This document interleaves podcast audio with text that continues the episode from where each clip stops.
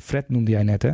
Die dan ook naar City kon. En Guardiola wilde hem graag hebben. Dus in de basis is een goede voetballer. Alleen het lijkt alsof United een speler heeft gekocht die er absoluut helemaal niets van kan. Alleen ik ben bang dat als je hem nu bij City neerzet. Dat hij de 40 inschiet. Nou, niet 40 inschiet, maar dat hij functioneert op een wijze dat je denkt: hé, hey, waar, waarom laat hij dit niet bij United zien? Dus het probleem ligt ook ergens anders. Bij... Dat klopt qua helemaal niet van die structuur van je Manchester United. Nee, ja, Pogba, kijk, we hadden het net over zijn mentaliteit. Hè. Continu een beetje het vuurtje opstoken in de media. Dat kun je hem absoluut verwijten. Alleen als je sportief kijkt, dan is het ook onrealistisch wat we van hem verwachten. Want hij moet eigenlijk Frenkie de Jong en Donny van der Beek tegelijkertijd zijn. Hij moet van achteruit voor het voetbal zorgen, de creativiteit erin brengen en dan vervolgens in de 16 komen om het ook nog als het even kan af te maken.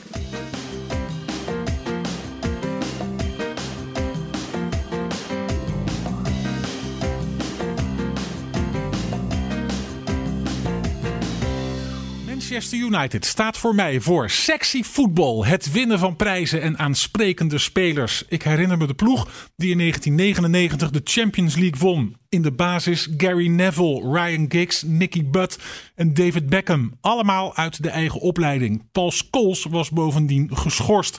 En de ploeg werd aangevuld met aansprekende aankopen als Peter Schmeichel, Jaap Stam, Dwight York en Andy Cole. De ploeg die in 2008 de Champions League won, bestond voornamelijk uit aankopen van Ferguson. Zoals Edwin van der Sar, Rio Ferdinand, Wayne Rooney en natuurlijk Cristiano Ronaldo. En bij het laatste kampioenschap onder Ferguson in 2013 speelde Robin van Persie een belangrijke rol. Maar er is weinig meer van over. Het sexy voetbal is verdwenen, de brani is weg, aansprekende jeugdspelers zijn er niet meer en aankopen die United doet zijn nauwelijks succesvol. Als we in het najaar van 2019 naar de stand kijken, worden we niet vrolijk. Degradatie lijkt dichterbij dan succes. In deze podcast praat ik met Suleiman Osturk en Bas van den Hoven over de club die zich al ruim zes jaar in een crisis bevindt. Bas, wat zou Manchester United voor jou moeten zijn? Avant voetbal, spektakel, supersterren. Sterren die uh, de cover van uh, FIFA uh, sieren. Dat is al ver verleden tijd. Ik kan me de laatste swingende thuiswedstrijd van Manchester United, om eerlijk zijn, niet eens herinneren. Bobby Charlton, George Best, Erik Cantona. En zo kun je het rijtje afgaan voor lef, avontuur, de kraag omhoog en, uh, en entertainment bieden. Er zijn heel veel redenen aan te wijzen. United is ergens onderweg een afslag, uh, die hebben een afslag gemist die andere clubs wel hebben gepakt. En anno 2019 maken de fans van de club zich uh, geen zorgen meer of Manchester United wel of geen kampioen wordt maar wordt zelfs degradatie gevreesd. Luister maar even naar deze wanhopige fan. This football club could get relegated this season. I've come out here Newcastle for what, man? For what? To see 1-0 against fucking Newcastle. Average, average football club. Average manager. And you know what, mate? It's got to go now. I'm done. De emoties lopen hoog op, eh, zoals we horen. Manchester United is in de jaren 70 al een keer gedegradeerd. Kort na het winnen van de Europa Cup in 1968. Kan Manchester United weer degraderen? Nee, zo slecht, uh, zo slecht is het allemaal niet. Natuurlijk is het niveau laag en er is een periode van wederopbouw uh, nodig. Maar de zwakke seizoenstart heeft ook wel deels te maken met, uh, met veel blessures. Ze hebben een veel te zwakke selectie om mee te draaien in de top. Dus nee, ik zie ze wel in de middenmoot eindigen. Maar degradatiestreep gaat niet heel dichtbij komen. Nee, dat zou je zeggen. Maar het is de Premier League. En er is eigenlijk helemaal geen degradatiestreep. Hè? Want de degradatiestreep begint bij plek 8, 9 ongeveer. Er zijn een aantal clubs beter. En Leicester City heeft het beter voor elkaar. Die heeft betere spelers dan Manchester United. Of spelers die beter in vorm zijn. En die beter passen bij deze trainer in dit systeem. Ja, je komt steeds dichter bij een bepaalde ja, streep die in je hoofd wel zit. waar we staan nu onder de degradatiestreep. En dan ga je ook anders voetballen. Zeker als je een jonge ploeg hebt. Waarvan heel veel wordt verwacht. Manchester United een van de rijkste clubs ter wereld. En die voetballen zo. De resultaten vallen tegen. Je komt dan op een gegeven moment in zo'n zone terecht. Dan is het wel. Dan gaat ook het mentale deel meespelen. En dan vraag ik me af of met deze trainer, met Solskjaer. En in de huidige situatie met deze club, met deze spelers. Of ze dan bestand zijn tegen de druk. Want die is dan natuurlijk gigantisch. Newcastle, je kunt uittekenen hoe die gaan spelen. Crystal Palace, je kunt uittekenen hoe die gaan spelen. Die maken allemaal optimaal gebruik van de kwaliteit van hun sterspelers. En bij Manchester United, ja. Nou, er is geen idee, maar, het is ook zo, de resultaten vallen tegen. De Solskjaer gaat wisselen. Eh, dan, gaat, dan moet hij er weer in en dan moet hij er weer in. Nou, heb je ook wel met blessures te maken. Maar er is helemaal geen basis, zoals elk elftal wel een basis heeft en eromheen wordt gebouwd. Maar ik zie de basis bij Manchester United niet. Harry Maguire is gehaald om achterin stabiliteit te bieden. Dat biedt hij ook wel, want zonder Harry Maguire hadden ze nog veel minder punten gehad. Dat moet je, zo eerlijk moet je ook nog wel zijn. Want het is, echt, het is echt crisis bij deze club. Ze hebben de spelers gewoon niet. En ook niet een trainer die met minder materiaal, want dat is ook een kwaliteit, met minder materiaal toch iets beter presteren dan je zou verwachten. Eh, ze presteren nu eigenlijk een beetje zoals je zou verwachten. En in de Premier League kan het al heel snel omslaan naar, ja, die fan overdrijft misschien naar degraderen. Maar het zou mij niet verbazen als je straks in december uh, een hele grote club, Manchester United, op plek 16 hebt staan. Omdat ze gewoon niet weten hoe ze wedstrijden moeten winnen. En het wordt steeds, die druk wordt steeds groter. Want Newcastle United uit, winnen maar van. Het is niet opeens crisis, hè? want ik denk wel dat we de recente geschiedenis kunnen opdelen in de periode onder Ferguson en de periode na Ferguson.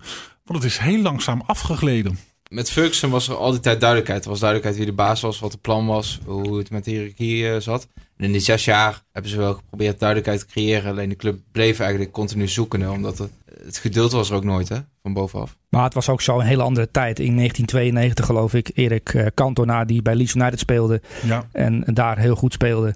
En dan belt Ferguson naar het kantoor van Leeds.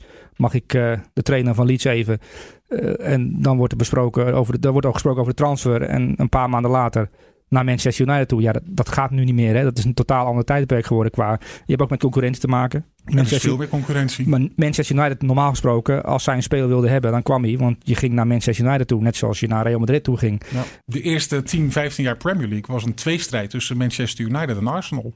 Ja, nou, er kwam geen club tussen. En elke speler die Ferguson goed genoeg vond voor zijn elftal, die kwam. En nu is dat totaal anders, want je hebt te maken met, uh, met Chelsea, met Manchester City, met Liverpool dat erbij gekomen is. Het is veel lastiger ook. Dus het is, ik denk te makkelijk om te zeggen, ja, Ferguson is verdwenen en die, die anderen kunnen er niets van. Nee, ik denk dat Ferguson nu het ook veel lastiger gehad zou hebben. Want er is gewoon heel veel weggevallen bij, bij Manchester United. En dat is niet adequaat ingevuld. Je zei van Ferguson heel dominant in, in de organisatie. Nou, dat klopt wel, want hij bepaalde alles. En ja, wie bepaalt nu wat? Precies. Vergaal uh, bood daar laatst een inkijkje in. Hè? Hij heeft dat van ja, hij had eigenlijk in contact met Ed Woodward. Ja. Ed Woodward had dan een soort assistent met Lutch.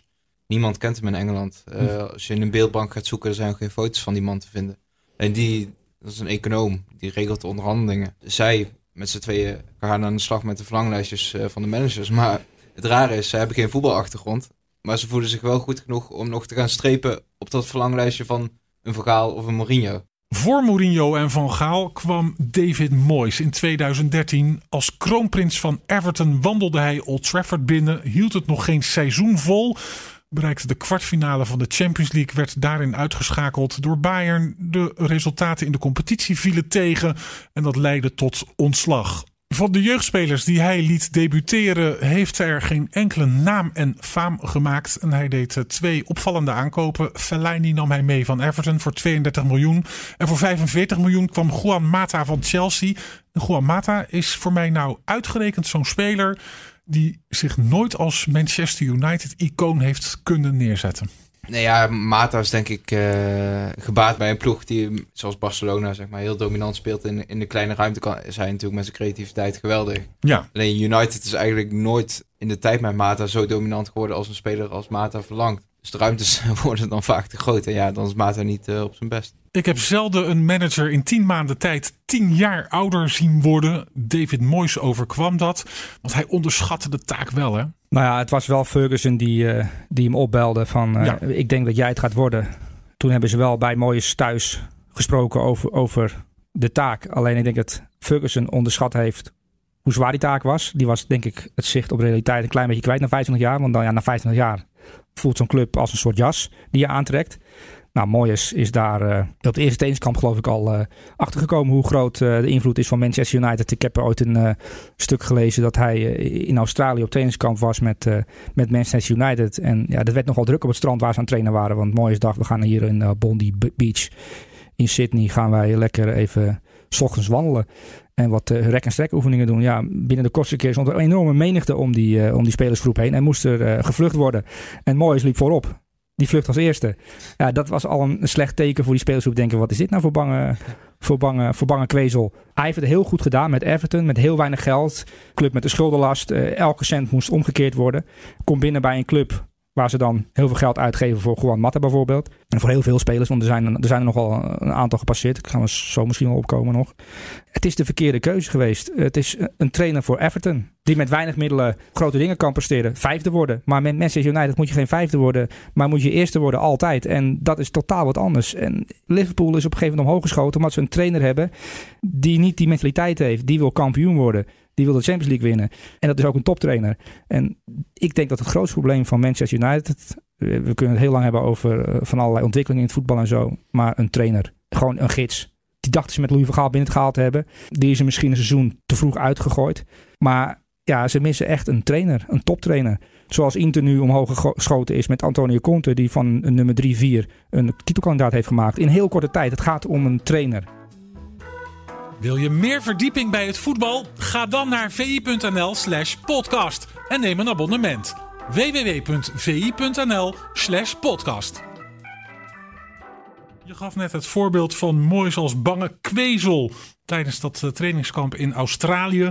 Zijn spelers vonden hem ook angstig. Luister maar even naar oudspeler Rio Ferdinand, die over die periode zegt dat United zich meer en meer om tegenstanders ging bekommeren in plaats van uit te gaan van eigen kracht. I remember the first couple of games against Liverpool and Chelsea, and we were talking more about Hazard and Coutinho than we were about our own attacking tactics. Doubt. So there's doubt, and the players then look at each other. This ain't us. This, yeah. We're not used to this. And you can see even the younger players looking around, going, "Whoa, we're better than them." We gingen altijd uit van eigen kracht, maar onder Moyes uh, gingen we het opeens over tegenstanders als Hazard en Firmino hebben. Over hoe die te beteugelen. Dat is toch ook wel een omslag in denken opeens. Ik moet zeggen, ik vond de komst uh, van uh, Fellaini, of die nam die natuurlijk mee van Everton, vond ik daar ook wel een symbool voor staan. Want Fellaini is handig om bij de selectie te hebben als speciaal wapen. Nou ja, we, we hebben het in de Europa League finale tegen Ajax toen gezien, hè, hoe Mourinho gebruik maakte van hem.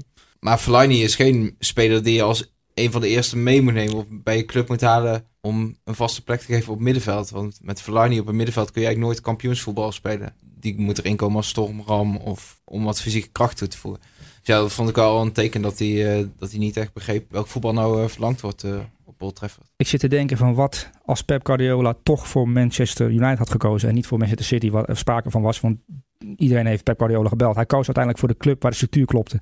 Waar iemand boven zat die zei: uh, We gaan die kant op, we gaan dit en dit spelen, we gaan die en die spelers halen. En we willen met jou dit soort voetbal spelen. Dat ontbreekt bij Manchester United. Ferguson is weggevallen. Die heeft eigenhandig gezegd: David Moyes wordt het. En sindsdien uh, is het een enorme mammoetanker op een grote oceaan die een richting zoekt. En een, een kapitein. En ik, zei net een gids, maar ze hebben een trainer nodig. Waarbij ik als toeschouwer denk van oké, die heeft de boel onder controle. Dat verwachtte Manchester United ongetwijfeld wel van de opvolger van Moyes, Louis van Gaal coach tussen 2014 en 2016. Was daarvoor succesvol met Oranje op het WK in Brazilië. In zijn eerste seizoen 17 punten achter Chelsea en een vierde plaats. Ondanks aanwinsten als Di Maria, Shaw en Herrera. En in zijn tweede seizoen 15 punten achter Leicester. Slechts 49 goals voor. En in de groepsfase van de Champions League geëindigd achter Wolfsburg en PSV. Van Gaal won wel de FA Cup, maar werd kort na het binnenhalen van die trofee aan de kant gezet. Aanwinsten voorafgaand aan zijn tweede seizoen. Martial, Schneiderlin en Memphis Depay. Dat waren de drie belangrijkste. Van Gaal heeft de tij in twee seizoenen tijd ook niet kunnen keren. En ik herinner me van die periode de eerste helft. De 0-0's op Old Trafford. Dat je ging kijken naar Manchester United. Voor je gevoel leuk voetbal. En dan ging de bal weer rond, van links naar rechts, van zonder rechts naar links, zonder schoten op doel. En 0-0 de eerste helft. En dat was dan weer een... En dan kwam Louis van Gaal na afloop vertellen dat het in balbezit allemaal geweldig was. Alleen er gebeurde eigenlijk helemaal niets. En ja, dat herinner ik me van die periode. En hij heeft de FA Cup toen op tafel gezet, heel trots van kijk, we hebben toch een prijs gepakt. En ze hebben inderdaad een prijs gepakt. Maar er gebeurde gewoon niets. Ja, maar met die stelling was hij het zelf niet zo eens hoor. The fans are shouting every week Louis van Gaal's army! Louis van Gaal's army! So also the fans are very satisfied with Louis van Gaal. Ja, nou, dat, dat er niets gebeurde, dat zie je ook wel een beetje terug in het aankoopbeleid. Want ja, we noemen het Di Maria, eh, Memphis uh, natuurlijk, Martial. Ja. Uh, Memphis en Martial, dat is denk ik hetzelfde als je nu ziet bij United. Dat waren toen grote talenten. Ja. En die waren niet klaar om de volledige last op hun schouders te dragen. Die Maria, verhaal zei daar later over dat hij zich maar niet kon aanpassen aan, aan de Engelse cultuur. Uh, de manier van spelen van Vergaal, dat hij mij op iedere positie uh, geprobeerd heeft. Daar ging het al een beetje mis. Hij, hij zei achteraf ook, Di Maria was ook niet de nummer 1 op zijn lijstje. En ook niet de nummer 2 of 3. Bepaalde en bepaald Woodward dat allemaal? Uiteindelijk wel. Want jij zegt uh, een trainer, hè, dat heeft United nodig. Maar is het eigenlijk ook niet uh, de man boven de trainer? Absoluut. Maar ik bedoel eigenlijk een trainer die zo dominant is. Dat Ed Woodward, Woodward denkt van, het, ik, ja. uh, ik geef hem maar gelijk. Maar nou zijn Van Gaal en Mourinho wel hele dominante persoonlijkheden. Ja, dat klopt. Toch? Dus er zijn meerdere problemen, zoals we in het begin al zeiden. Ik bedoel, het is niet op één iets af te schuiven. En Ed Woodward schijnt nog wat koppig te zijn. En er zijn eigenlijk twee clubs, hè, Manchester United. De ene club die zeggen van ja, moet je kijken, die, die onder de streep hoeveel miljoen euro we verdiend hebben dit jaar. En dat jaar daarvoor. En een van de rijkste clubs ter wereld. En aan de andere kant de supporters, de oudspelers vooral. Dat is ook wel opmerkelijk hè? hoe negatief de oudspelers zijn over dit elftal. Normaal gesproken proberen oudspelers zich een beetje in bedekte commentaren over hun vorige club uh, uit te laten. Zeker iconen, die zijn toch altijd wat verzachtend. Ja. Hè, dat zie je ook bij Feyenoord bijvoorbeeld vaak. Maar bij Manchester United snoeihard. Hè? En, en van Roy Keane weet het wel. Maar ook Paul Scholes. Die eigenlijk nooit iets heeft horen vertellen tijdens zijn carrière. Iets interessants. En die zegt nu allemaal interessante dingen. Ja. En dat zegt wel iets over de sportieve situatie van Manchester United. Het is echt heel slecht. En Ed Woodward, ja, die is wat koppig.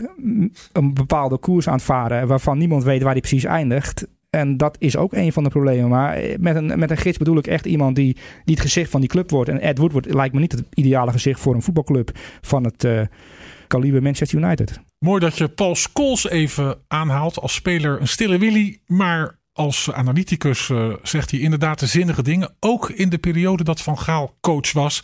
Op Sky TV was hij heel kritisch over het spel van Manchester United in die periode. I want to sit and say United blast teams away, be brilliant attacking football, have players with creativity, players who get the, on the edge of your seat. I, I want to see that from Manchester United, but it's not happening. What you know, what you have been seeing is a, a team that are brilliantly coached defensively. Treffende laatste woorden van uh, Paul Scholes. Een team briljant gecoacht, maar wel op zeer defensieve wijze. Het was heel saai. Ze, ze probeerden echt de Hollandse school uh, natuurlijk te spelen. Met Daley Blind, die uh, van achteruit een hele belangrijke taak had in de opbouw die het eigenlijk ook heel verdienstelijk deed. Misschien wel de meest constante speler in het tijdperk uh, met Vergaal.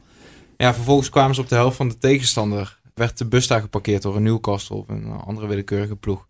Er was eigenlijk niemand die daar iets extra's had of daar doorheen kon spelen. Wayne Rooney was over de heel. Die werd op een gegeven moment naar het middenveld gehaald.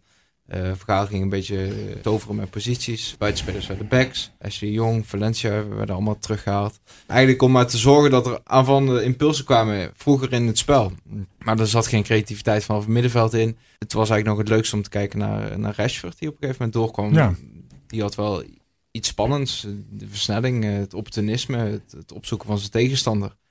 Alleen ja, die, die, kwam ook al vrij snel stil te staan. Uh, met Rashford noemen we uh, eigenlijk het laatste echte talent dat is doorgebroken hè, bij United. Nou, daar zit een hele goede voetballer in. Mourinho vindt Scott McTominay, die ook uit de opleiding is doorgebroken, wel een geweldige voetballer voor zijn voetbal, voor tegenhouden. Dus daar kun je over twijfelen. Martin de Roon.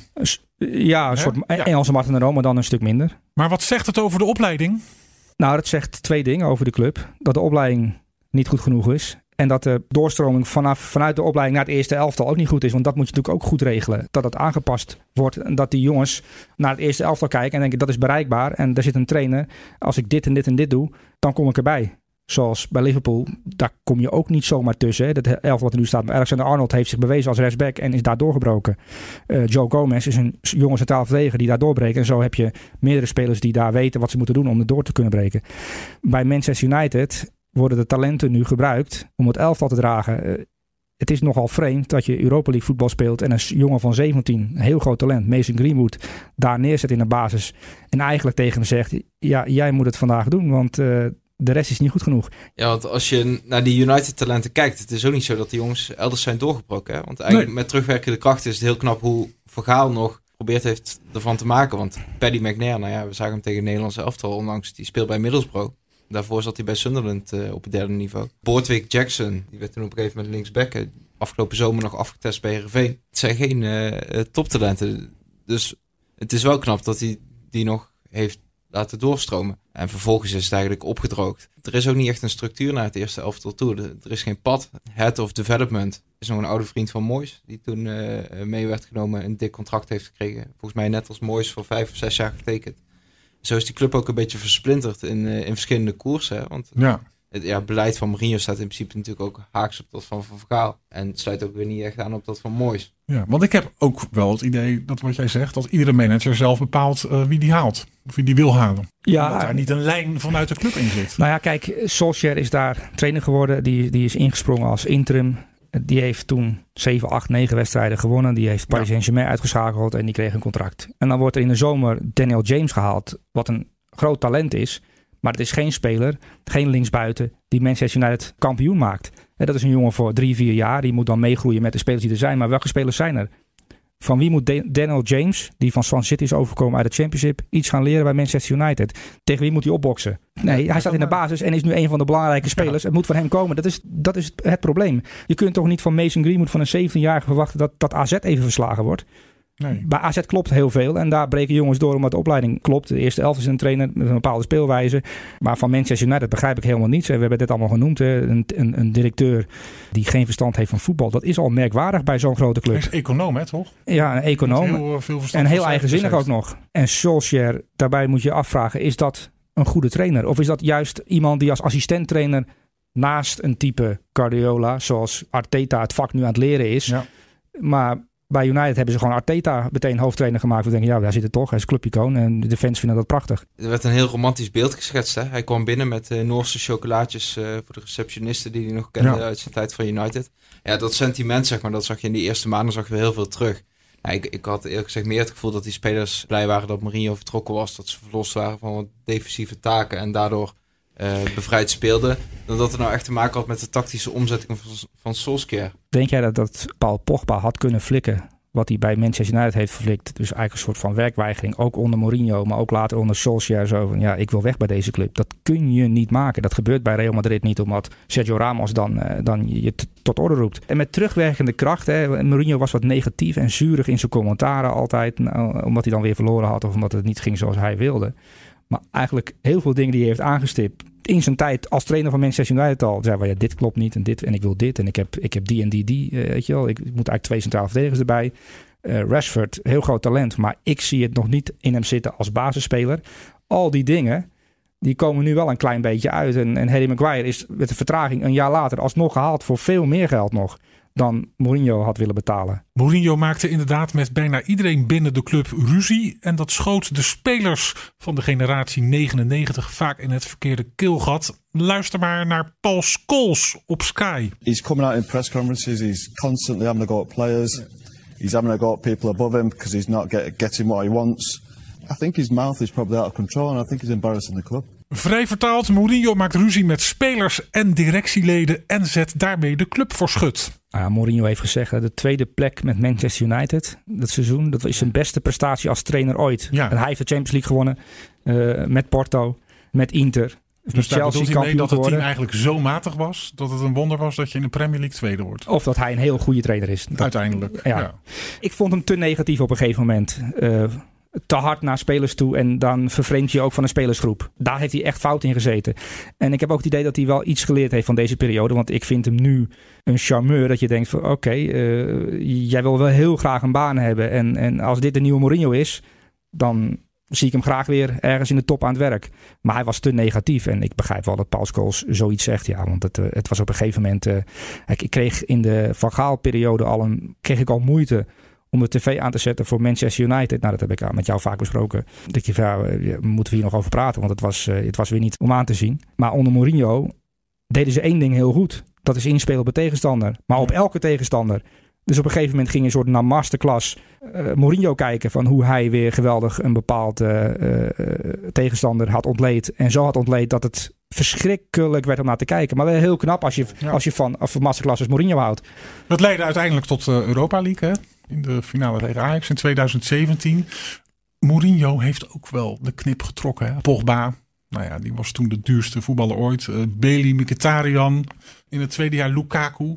Ja, Matic, Alexis Sanchez nog even in de winter. Het rare is wel, toch als je die aankopen ziet, hè, want toen die zomer met Pogba en uh, kwam, dacht je wel echt van ja, United doet nu wel echt goede zaken. Ze pakken door, ze gaan direct aanvallen op de titel openen.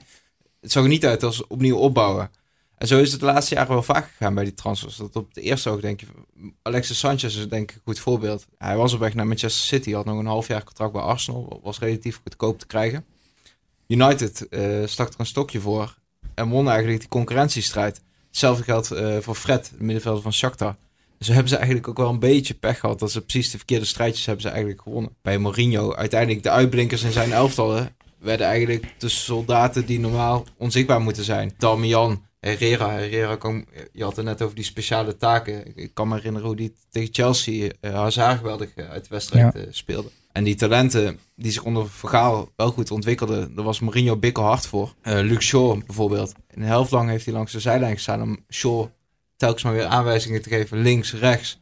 Hij deed net alsof hij een pupil uh, stond te coachen, omdat Shaw volgens hem niet intelligent genoeg was. En dat vertelde hij na afloop ook even in de Engelse media. Het was wel vernietigend voor die, uh, voor die talenten. Over de aankopen, hè, want het is, het is nogal een indrukwekkend lijstje met een enorme bedragen en salarissen. En, maar als je naar Di Maria kijkt, bij Paris Saint-Germain, sterspeler. Ja. Belangrijk met goals, assists, mooie doelpunten, Daarvoor mooie bij acties. Real Madrid ook. Bij Real Madrid ook. Ja. Dus het, niet Di Maria was het probleem niet. Het probleem was dat er een trainer zat die de voetballer Di Maria niet ja. kon waarderen in zijn eigen filosofie. Want het ging ja. over de filosofie van Vergaal. Is uh, Pogba de voetballer die die uh, kan zijn bij United? Nee, en Paul Pogba bij Frankrijk op het WK was geweldig. Toen dacht je, als, als hij dit doorzet... Maar hij kan dat niet doorzetten bij Manchester United. Want hij kan daar zichzelf niet zijn. Want er worden dingen van hem verwacht onder Mourinho... die je niet van hem kan verwachten. Uh, en hij wil daar weg omdat hij zich ongelukkig voelt.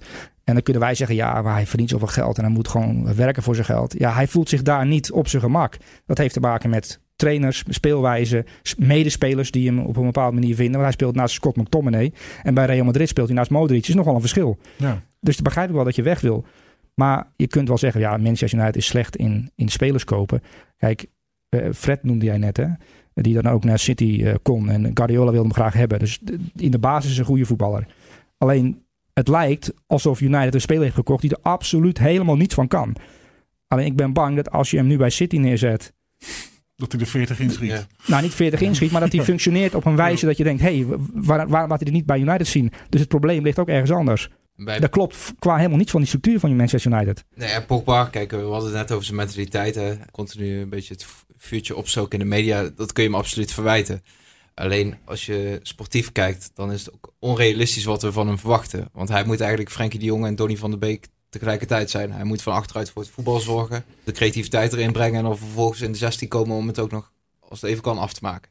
Hij gaat eigenlijk ten onder aan het gebrek aan kwaliteit uh, aan zijn zijde. Want als je nu ziet met wie die moet samenspelen, met McTominay, kan dienstbaar zijn, maar daar heb je wel een goede derde middenvelder bij nodig. Andreas Pereira is niet het niveau wat United moet nastreven. Uh, Matic, sinds hij gehaald heeft bij Chelsea, speelt een tempootje te laag, kan het ook niet meer altijd belopen. Dus ja, als je naar United kijkt, is af en ook wel sneu voor Pogba. Ja, en er worden ook dingen van spelers verwacht. En ik zit nu opeens aan Romelu Lukaku te denken. Uh, bij Manchester United ook niet helemaal eruit gekomen wat er van werd verwacht. Toch als de nieuwe nummer 9 binnengehaald. Maar er werden dingen van hem verwacht die hij helemaal niet kon waarmaken. En dat gaat ook aan zijn speler vreten. Die wilde er niet meer zijn. En die, die heeft voor de vlucht vooruit gekozen. En een vlucht naar Inter. En dan kun je zeggen, ja, voor geld. Nee, bij Inter moet hij een aantal dingen doen die hij bij United niet kon doen. Want er werden andere dingen van hem gevraagd waar hij niet zo goed in was. Dus de vraag is of al die spelers met elkaar wel de juiste dingen doen. Dus, dus, dus er kloppen een aantal dingen niet. De technisch directeur, de trainer en de spelers die ongelukkig zijn. Dat zie je bij, op meerdere posities terug. Rashford oogt heel ongelukkig. Terwijl die heeft een aantal basiskwaliteiten. Die, ja, die zou je wel kunnen gebruiken bij een uh, goed georganiseerd elftal. De Amerikaanse Glazer Brothers zijn al jaren eigenaar van Manchester United. Het zijn mannen die zich eigenlijk niks aantrekken van hoe het sportief gaat, maar alleen maar naar de cijfertjes uh, kijken. En dat helpt ook niet, hè? De eigenaren komen eigenlijk alleen kijken bij de topwedstrijden. Ja. Uh, nou, vervolgens Woodward is eigenlijk uh, hun uithangbord, hè, of, of degene die de leiding heeft over de club. Ja, bij erbarmelijk slechte thuiswedstrijden tegen Brighton staat Woodward in de rust op te scheppen over hoe populair Manchester United is geworden op social media, hoe het commercieel groeit. Het gaat schuren en de Glazers zijn daar natuurlijk wel verantwoordelijk voor. Dat er in al die tijd, nou we hebben een crisis eigenlijk van zes jaar, je herkent geen lijn. Nee. Ja, als clubeigenaar ben je daar verantwoordelijk voor. Dus het wordt wel tijd dat hij ingrijpt. Het is eigenlijk gewoon één groot economisch bedrijf. En ze hebben ook nog een voetbalelftal. En een stadion. Dus ze zijn vergeten dat, uh, dat, je, ja, dat je een voetbalclub bent in plaats van een soort business. Want als je bij Manchester United Old Trafford gaat kijken, de, de fanstore, dat is waanzinnig. Dat, dat is groter dan, dan het veld en het stadion bijna. Zo groot is je fanstore. Je kunt er van alles krijgen. Maar voor welke speler van Manchester United, Bas, ik vraag het jou gewoon, zet jij de tv aan nu op dit moment? Dat je echt denkt, ik ga nu Manchester United kijken, want ik heb zin in Hazard. Ik heb zin in ja. Messi. Ik heb zin in Frenkie de Jong. Ik heb zin in Buffon, weet ik veel wie. Maar... Normaal bij zo'n elftalletje op Twitter hè, is altijd de sterkspeler uitgelicht. Uit bij Newcastle was uh, McTominay uh, was uitgelicht. Goed heren, en dat allemaal kostte in ruim zes jaar tijd inmiddels drie managers de kop. David Moyes was informed in person that his term as United manager will be ending after not even one full season in charge. The future of Louis van Gaal and Manchester United have sacked Jose Mourinho. Even heel kort door de bocht. Is uh, Solskjaer de volgende die het gewoon niet gaat redden? Dat hangt af van de koppigheid van, een eigenzinnigheid van Ed Woodward. Als hij heeft besloten, dit is de trainer voor de toekomst en ik geef hem nog een kans. Als ze een beetje aanmodderen en af en toe een wedstrijdje winnen, dan blijft hij zitten totdat het echt niet meer kan. Maar dat is eigenlijk al verkeerd. Die gedachte. Dat is niet de gedachte die Manchester United moet hebben. Je wil met Liverpool en Manchester City meedoen. Ja. Ik denk dat ze behoefte hebben aan een andere trainer. En Solskjaer als assistent. Want dat, daar is hij denk ik wel perfect. Want ik vind het wel prettig om naar Solskjaer te luisteren. Hij zegt eigenlijk ook geen onzinnige dingen over voetbal. Maar hij, hij, heeft het niet helemaal in de hand. En ik ben ook bang dat Manchester United uiteindelijk ook gewoon Solskjaer slachtoffert. En dat de Glazers en Woodward voor zichzelf dan kiezen. Maar uiteindelijk zal er toch een discussie op gang komen van ja, waar is Manchester United mee bezig? En misschien is het wel beter als ze degraderen. Wat ik wel knap vind aan Solskjaer, het was best makkelijk geweest denk ik voor hem om echt aan te dringen op korte termijn versterkingen. Want iets werd bijvoorbeeld genoemd in die laatste week uh, van de transferperiode. Nou, dat hebben ze allemaal niet doorgezet. Hij is het seizoen ingegaan met Daniel James, uh, Martial, Rashford en Greenwood eigenlijk als de scorende mensen. Met die vier bij elkaar opgeteld kom je niet aan, uh, aan 60 goals in een Premier League jaar. Uh, Rashford heeft uh, vorig seizoen tien keer gescoord in de Premier League. Nou, dat is meteen zijn hoogste aantal. Dus het is wel knap van Solskjaer dat hij het geduld heeft bewaard. Eigenlijk ten koste van zichzelf. Hè, want hij krijgt uiteindelijk te klappen als het, uh, als het misgaat. Maar in die zin wel de ruimte heeft gehouden voor de jeugd. Want hij heeft wel doorgeselecteerd met Alexis die vertrokken is natuurlijk. Met Lukaku die vertrokken is. Het zijn spelers die voor de korte termijn beter waren geweest dan wat er nu staat. Maar als je uiteindelijk wil groeien, dan is het denk ik wel goed om die ruimte te scheppen. Of in ieder geval even te houden. Alleen daarachter moet de basis wel echt beter zijn. Zie jij Manchester United binnen drie, vier jaar weer wedijveren met clubs als Liverpool en City? Als ze per ongeluk de verkeerde keuze maken die goed uitpakt. Dan, dan doe je zomaar weer mee. Dit, dit heeft echt te maken met, uh, met uh, haal je een type klop binnen die die club weer helemaal uh, op de rails zet. Want kijk waar Liverpool vandaan kwam voorklop en naklop. Dat is best wel snel gegaan en we, we zijn dat een beetje vergeten de jaren daarvoor. Maar dat was ook een club in dezelfde situatie eigenlijk als, als Manchester United. En Klopp heeft dat met een soort toverstokje, lijkt het, dan veranderd. En ja, ze hebben eigenlijk een trainer nodig met een toverstokje die, uh, die Old Trafford weer laat dromen. En dat is het, uh, het hele verhaal. Een toverstokje en dan is United weer terug op het hoogste podium. Want ik mis het daar wel. Jullie ook? Ja, absoluut.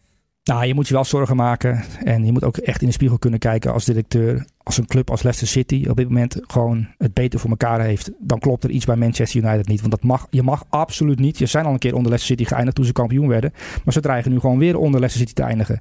Ja, dat kan niet. Je, kiest op zaterdag om vier uur. Kies je eigenlijk voor hetzelfde voor uh, Manchester United. En dat moet weer veranderen. Suleiman Osturk en Bas van der Hoven. Dank jullie voor jullie inzichten en meningen over een van de mooiste clubs ter wereld, Manchester United. Geen ook.